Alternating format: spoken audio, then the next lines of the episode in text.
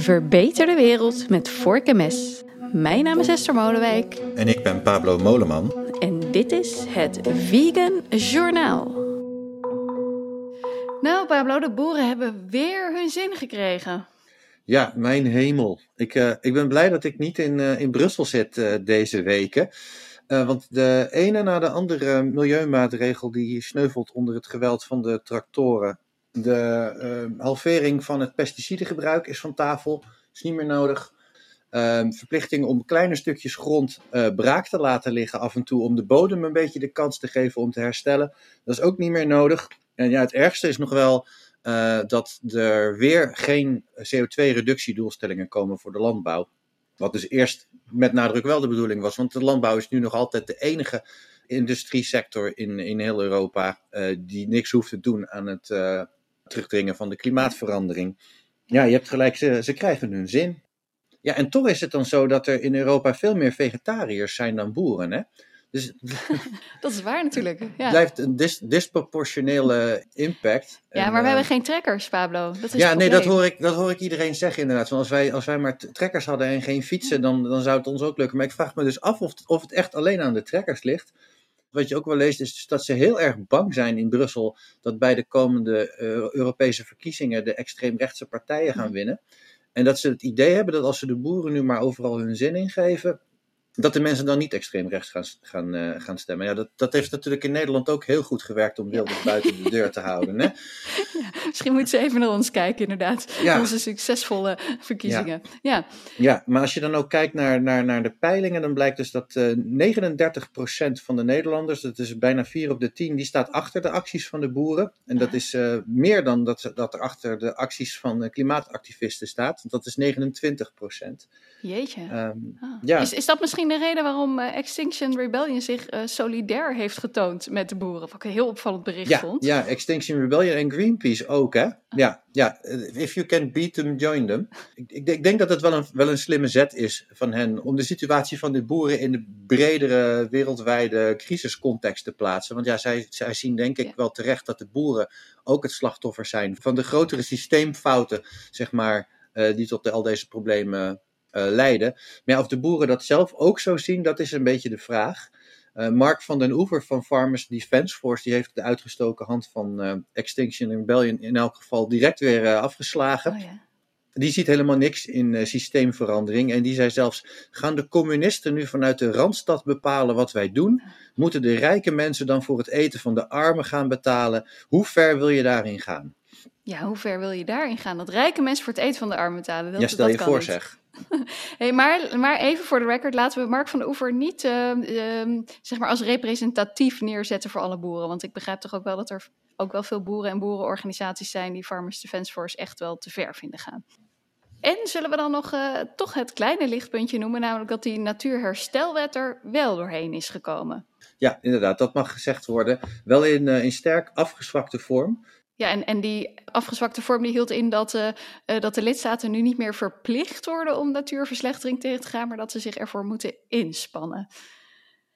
Ja, klinkt toch een beetje als een wet voor de bühne, of uh, ben ik dan te pessimistisch? Dat, dat, dat, dat, dat is moeilijk te zeggen. Um, dat is denk ik aan, aan rechters dan om, om te gaan bepalen of die inspanning voldoende is of niet. Ja, dat is waar. Nou, uh, na deze teleurstellende politieke gebeurtenissen stel ik voor om even een blokje techniek te gaan doen. Want de ontwikkelingen lopen gelukkig gewoon door. En laat ik dan beginnen met algen.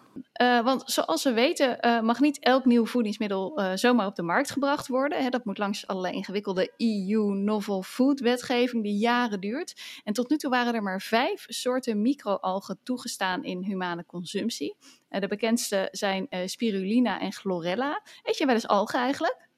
Uh, ja, nou ja, alleen al bij het horen van het woord spirulina uh, kneep mijn keel een beetje dicht. Ik, uh, ik weet dat het heel gezond is en soms dan zit het door, zit het door iets wat ik eet of drink heen. Maar als ik er te veel van proef, liever niet.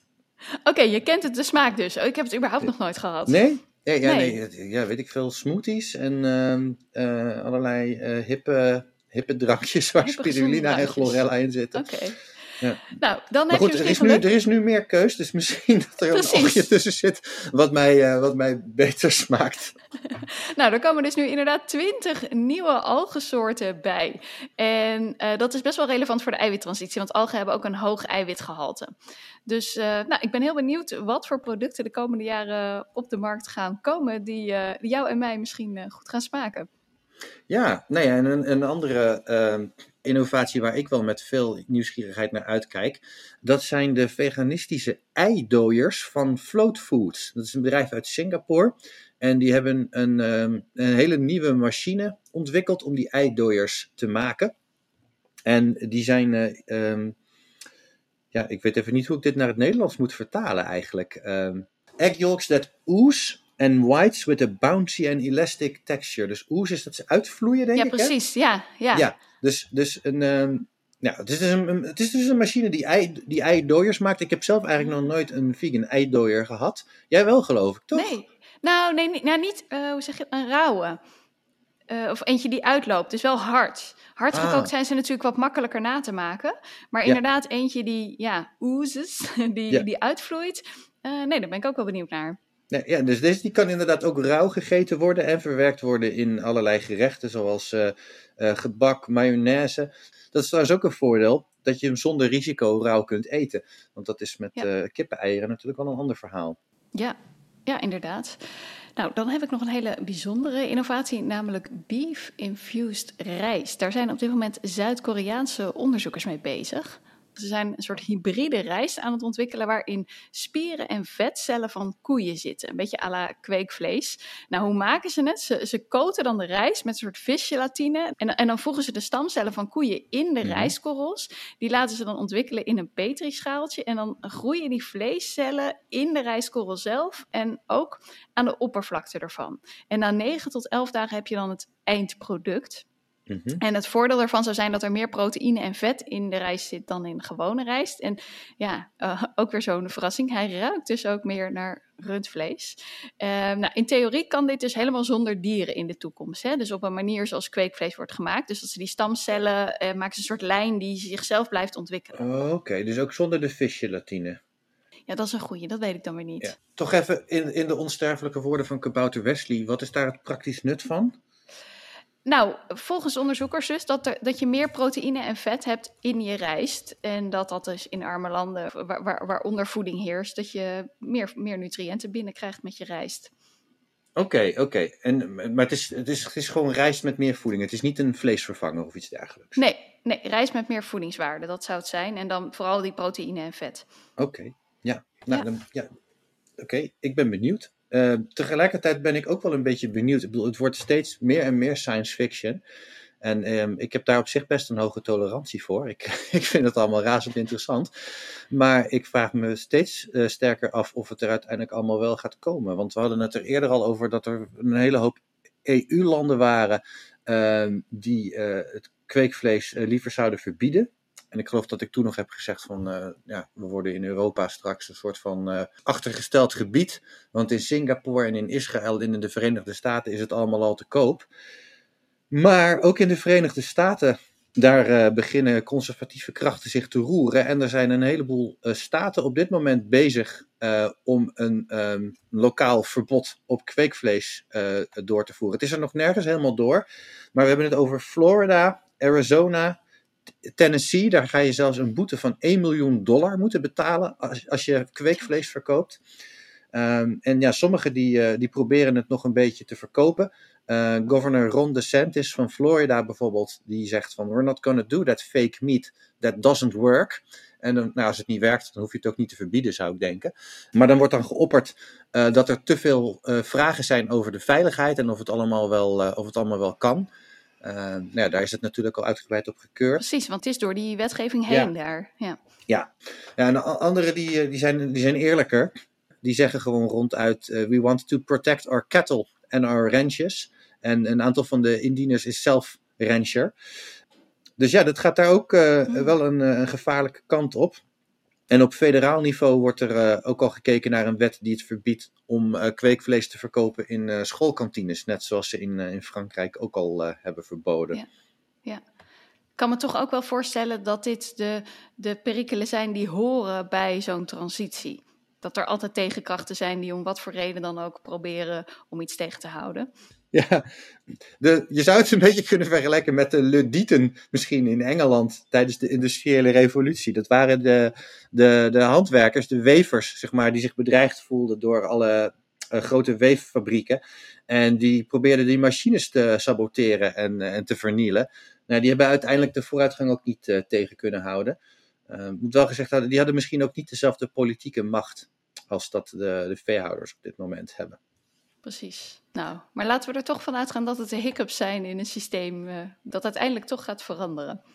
Ja, ja. ja. Dan uh, de dierwaardige veehouderij. Ja, die kan natuurlijk nooit uit. Uh, want dan zouden we nooit genoeg vlees kunnen maken. En bovendien wordt het veel te duur. Nou, dat is dus wat de boerenorganisaties graag zeggen. Maar goed nieuws. Landbouweconoom Max van der Steen maakte een maatschappelijke kosten-batenanalyse, met nadruk ook op de baten, uh, van het invoeren van een meer dierwaardige veehouderij. En dat deed hij in opdracht van Caring Farmers en de Dierenbescherming. En wat blijkt, het is wel degelijk mogelijk om op een meer dierwaardige veehouderij genoeg dierlijke eiwitten betaalbaar te produceren. Uh, hij gaat uit van een scenario waarin de melkveehouderij met 55% krimpt en de intensieve veehouderij met wel 75%. Hè, dus dan gaat het om varkens en kippen vooral. Mm -hmm. En van een eiwittransitie uh, uh, ja, van de huidige 60% dierlijk naar 40% dierlijk. Dus dat is nog niet eens een hele extreme verandering, maar gewoon de transitie die de Gezondheidsraad ook uh, voorstaat, vrij gematigd. Nou, en in dat scenario zouden we ook nog eens in 2040 al onze milieudoelstellingen halen en als samenleving 2 miljard euro rijker zijn. En dat is ook wel interessant, want zo zegt Hanneke van Ormond, die hadden we een tijdje geleden in de uitzending hè, van, uh, van Caring Farmers. Mm-hmm. De discussie gaat steeds over de kosten, uh, zoals het verlies van de boereninkomsten en natuurlijk de hogere kosten om het vee duurzamer te houden. Uh, maar het heeft ook heel veel baten. ze rekenen bijvoorbeeld ook de gezondheidsbaten mee. Het onderzoek liet zien dat de bijdrage van de veehouderij aan het bruto nationaal product zo'n 15 miljard euro is, maar dat de totale milieukosten per jaar door die veehouderij 8,3 miljard euro kosten. En uh, daarmee is het veruit de slechtst presterende en meest vervuilende sector van Nederland. Dus het is wel interessant om niet alleen maar te kijken van wat, wat, wat kost dat nou allemaal als we uh, naar een meer dierwaardige veehouderij gaan, maar ook wat het op zou leveren. En ook in combinatie met het eten van minder vlees. Ja, en dan gaat de vraag natuurlijk altijd over: zijn vlees en zuivel dan nog wel betaalbaar op het moment dat we uh, ja, de dieren echt dierwaardig zouden houden? Uh, wat dat dan ook precies mag zijn. Voor de ongeveer 20.000 veehouders worden de productiekosten wel echt hoger, zelfs twee keer zo hoog. Maar, en dit is wel interessant, de studie gaat ervan uit dat de consumentenprijs van vlees en zuivel maar 35% omhoog hoeft te gaan. Oh. En dat heeft er dan mee te maken dat de overheid maatregelen zou moeten nemen om te zorgen dat die tussenschakels geen extra marge pakken. En dus oh. om dat even uit te leggen, um, de verwerkers en de supermarkten hanteren nu vaak een procentuele marge. Hè? Dus die kopen iets voor 1 euro in en die leggen daar uh, 30% marge op. Uh, en dan is dat dus 30 cent. En op het moment dat ze iets voor 2 euro inkopen en er 30% marge op leggen, dan is dat opeens 60 cent. Nou, en waar ze dus eigenlijk voor pleiten is dat die marge een absolute marge is. Hè? Dus als je nu 30 cent verdient, dan verdien je op een duurdere inkoop ook nog steeds 30 cent. Uh, mm. Waardoor, waardoor die, die hogere prijs zich niet steeds uh, in de loop van de keten uh, verdubbelt. Nou, en daarmee zou je dan maar op zo'n 35% stijging komen van die producten. En zeggen ze, omdat je naar een meer plantaardig voedingspatroon gaat, is uiteindelijk de, de, de, zijn de totale kosten van je boodschappen gelijk omdat je natuurlijk minder vlees koopt en meer groenten die over het algemeen wat goedkoper zijn. Ja, ja, op die manier. Ja. ja. Ja, ik ben wel benieuwd of dat voor de, voor de supermarkten een, uh, een haalbaar scenario is om, om, om, dat te doen. Nou, dit is natuurlijk wel iets waar echt een sterke overheidsregie nodig is. En uh, ik ben ook benieuwd in hoeverre de overheid zich echt kan bemoeien met de marge die supermarkten maken. Maar dit is natuurlijk wel een cruciaal punt. Een ander punt dat uh, de onderzoekers zeggen, is dat de supermarkten, en dat is ook een heel cruciaal punt, geen vlees meer op het schap mogen leggen met een lagere standaard dan de Nederlandse. En dat is natuurlijk weer waar de boeren altijd over klagen van we kunnen dat allemaal wel doen, maar dan gaan de supermarkten het ergens anders inkopen. Dus dat het vooral belangrijk is dat dat dan ook de standaard wordt. Ehm, en tot slot, nog even interessant om te noemen, ze hebben ook naar mogelijk banenverlies gekeken. Nou, er komt wel een verlies in de verwerkende sector. Denk dan aan de slachthuizen en de verpakkers. Maar mhm. volgens deze studie heeft 80% van deze mensen binnen twee jaar weer een nieuwe baan. En dan bijvoorbeeld in de akkerbouw of tuinbouw, die natuurlijk weer wat gaat stijgen bij die eiwittransitie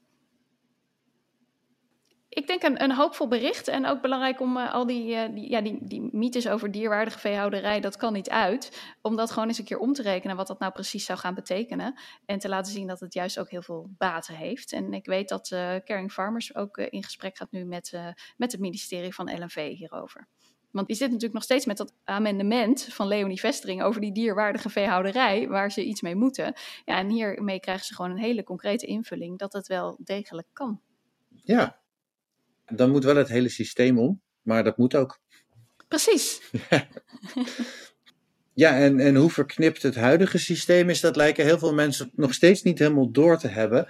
Uh, want ik wil even mijn ergernis delen over een, oh, filmpje dat ik voorbij zag komen uh, op het Jeugdjournaal. En dat best wel, uh, best wel viraal is gegaan, omdat iedereen het ontzettend schattig vond. En ik vond het vooral ontzettend cringy. ja, laten we maar eventjes luisteren. Deze lammetjes drinken niet bij hun schapenmoeder, maar bij een koe. Hij is niet zo groot, hij is heel vriendelijk van karakter. En uh, lammetjes kunnen ook heel goed bij de spijnen van de koe. De boer doet dit vaker als er ineens veel lammetjes worden geboren. Vorige week eh, hadden we te maken met een explosie van lammetjes. Heel veel meerlingen, soms drielingen, soms vierlingen. Ja, en is, daar waren alle moeders nog niet op berekend met het gist voor de melk. Uh, en een, moeder, een schaapmoeder heeft maar twee spijntjes. En het eerste voordeel is al dat deze koe al wel vier heeft. En op het moment eh, brengt hij al zeven lammetjes groot. Dit is inderdaad wel heel schattig, Pablo. Ja, en heel erg. Want het is dus, ja, het is ongetwijfeld een, een, ook een goed bedoelende caring farmer. In de, in de zin dat hij dus uh, te maken had met een, een lammetjesoverschot of te weinig ooien had, zeg maar. Of de ooien hadden niet genoeg tepels om alle lammetjes uh, te drinken te geven. En toen dacht hij, nou weet je wat, ik heb hier nog een koe staan, een een pleegkoe. En uh, daar kunnen de lammetjes daar drinken. En ja, dat levert natuurlijk hele lieve, schattige beelden op. Maar dat levert dus echt angstwekkend weinig vragen op uh, bij mensen over waarom die koe melk geeft. Waar, is dat kalfje? Waar is dat kalfje heen, inderdaad? Ja, want we hebben nu dus het kalfje bij de koe weggehaald die het uh, niet mag drinken. Maar nu laten we er lammetjes bij die het wel mogen drinken. En dan kunnen we daar hele schattige filmpjes van verspreiden op de social media. Ja, ja ik, ik, geloof ook echt dat die boer het hart wel op de goede plaats heeft. Maar je, je merkt dan alles dat hij op een hele instrumentele manier uh, naar die moederkoe uh, kijkt. Dat hij haar eigenlijk gewoon niet ziet als een moeder, maar als een bron van melk. En, en tot overmaat van ramp haar ook nog eens constant hij noemt. Oh, echt? Gos. Ja, en uh, ja, de andere vraag is natuurlijk: uh, wat is de bedoeling uh, met die schattige lammetjes straks? gaan die over een half jaar als lamsvlees de deur uit? Ja, dus daar, ook daar wordt Daar had ik nog niet eens aan gedacht. Nee.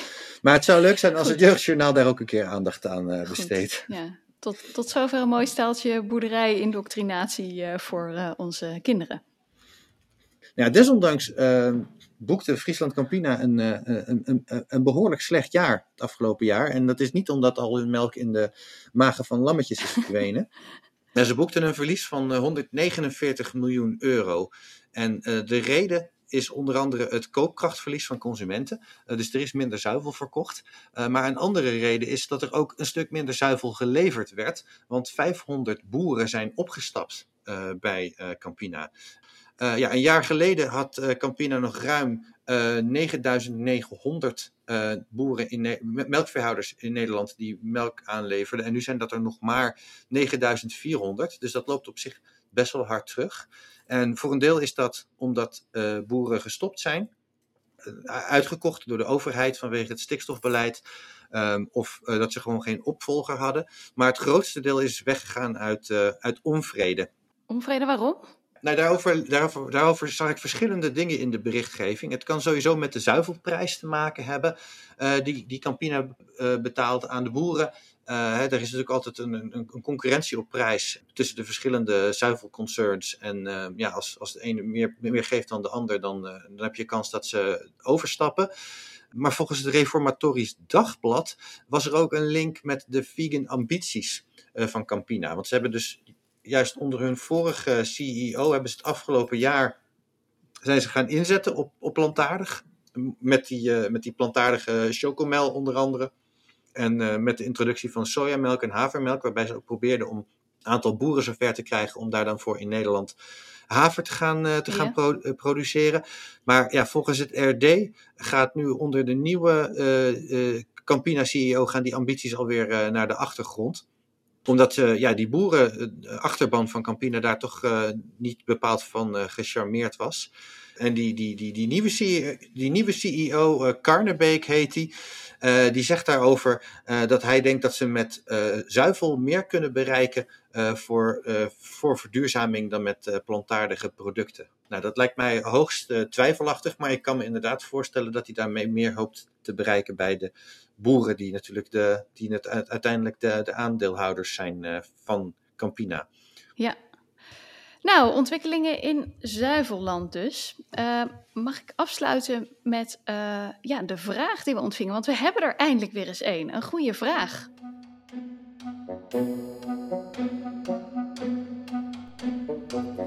Goeie vraag. Goeie vraag.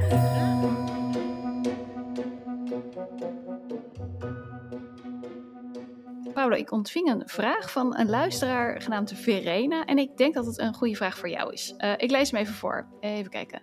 Ten eerste heel veel dank voor de wekelijkse stort aan hoopgevende informatie en updates. Dan nou, hoop ik uh, dat, we deze, dat we daar deze week ook uh, voldoende ja. aan hebben kunnen bijdragen aan, aan, aan het geven van hoop.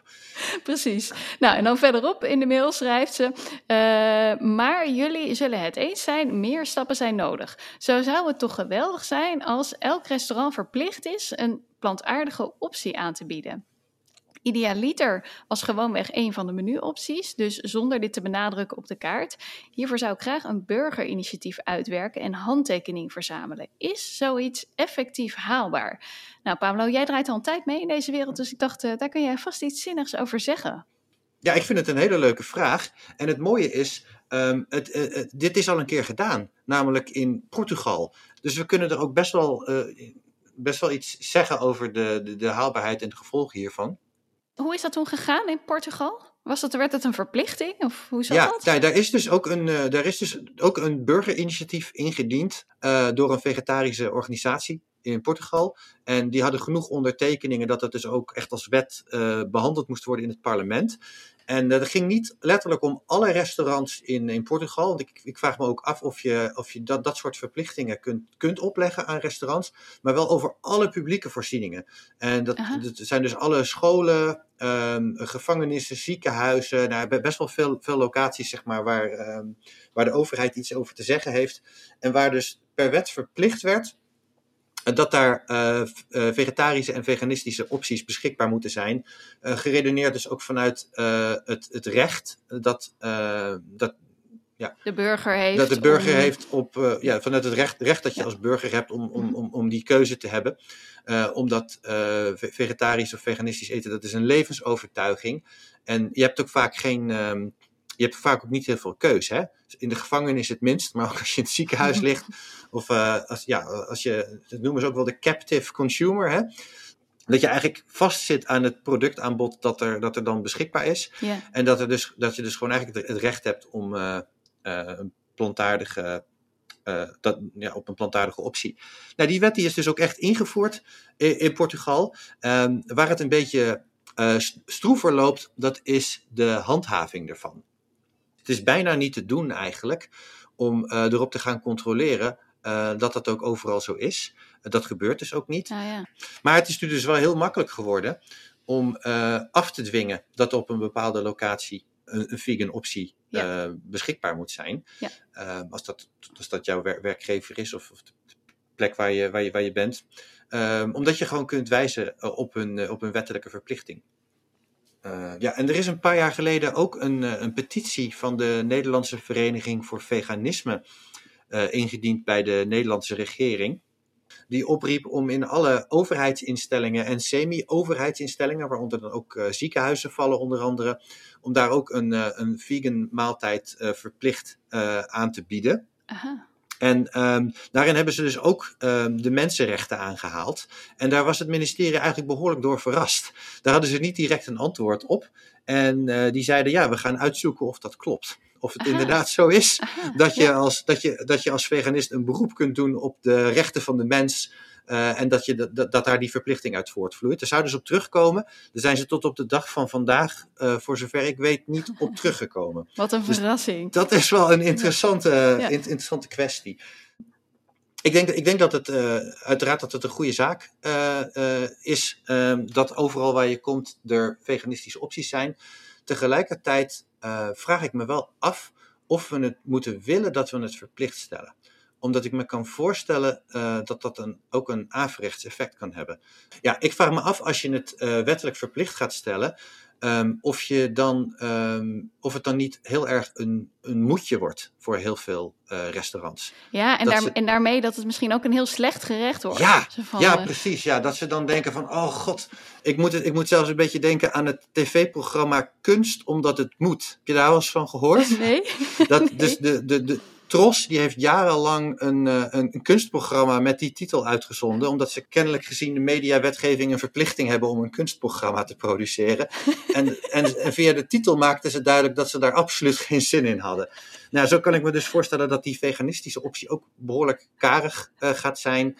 Ehm, en dat er niet heel erg, ja, dat er niet gedacht gaat worden vanuit het perspectief van, eh, ehm, van hoe, hoe maken we nou iets lekkers en aantrekkelijks, wat niet alleen voor de veganisten, maar voor een veel groter eh, publiek eh, aantrekkelijk is. Ik, ja, ik ben, ben, ba- ben bang dat het op sommige plekken gaat een beetje tot een soort van kont tegen de krip eh, Ja, reactie kan gaan ik zie, ik leiden. zie, ik zie dat, dat dat gerecht heet dan vega omdat het moet. En dat is dan een soort ijsbergsalade met ui. Ja, nou, we zouden dus eens bij onze Portugese collega's moeten vragen of dat ook echt is wat er gebeurt. Mhm. Dat, Ja. dat durf ik niet te zeggen, maar dat is wel een, wel een risico dat ik zie. Ehm, omdat ik ook wel merk dat het over het algemeen, eh, dat er best wel veel aan het gebeuren is. Dat er echt wel heel veel horecazaken en, eh, en, en cateraars echt heel hard bezig zijn ehm, om voor meer plantaardige opties te zorgen. Gewoon omdat de markt erom vraagt en omdat ze daar zelf bepaalde doelstellingen op hebben.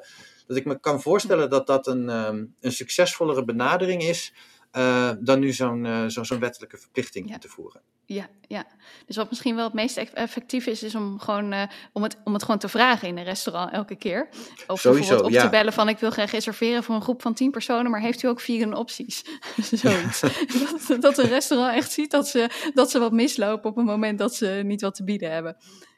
Ja, Ja. ja, ja, ja, ja. Dus Pablo, samenvattend, hè, de vraag van Verena was, is dit effectief haalbaar? Wat kunnen we daar nou op zeggen? Ja, ik vermoed voor publieke instellingen in elk geval eh, wel.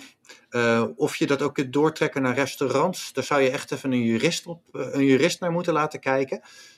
Maar ik vraag me dus tegelijkertijd wel af of je het zou moeten willen. Helder. Nou, tot zover. Wij zien elkaar over twee weken weer. Tot dan! Tot dan.